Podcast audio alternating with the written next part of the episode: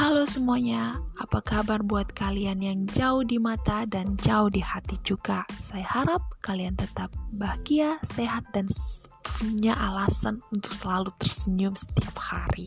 Saya hanya ingin mengatakan supaya kalian tetap berjaga-jaga, karena um, pencuri sukacita sedang berkeliaran untuk mencari mangsanya. So, jaga your sukacita ya, supaya tidak dicuri.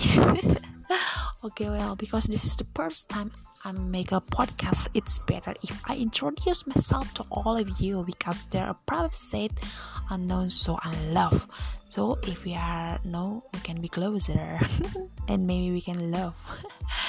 Okay the most important is my name. My name is Vita Elrani Sidabutar I'm from Sidamanit Garden. If you are not know Sidamanit Garden you can take it in the North Sumatera. Oke, okay, um, apa tujuan saya membuat podcast ini? Um, sebenarnya saya sedang gabut ya. Jadi saya mau mendengarkan suara saya sendiri di podcast ini. Tapi um, itu berguna saya rasa untuk meningkatkan kepercayaan diri saya.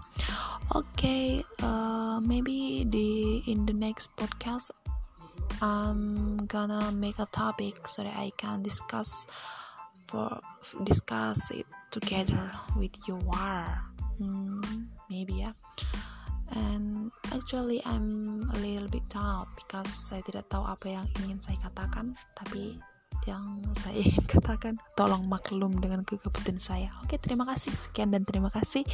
Bye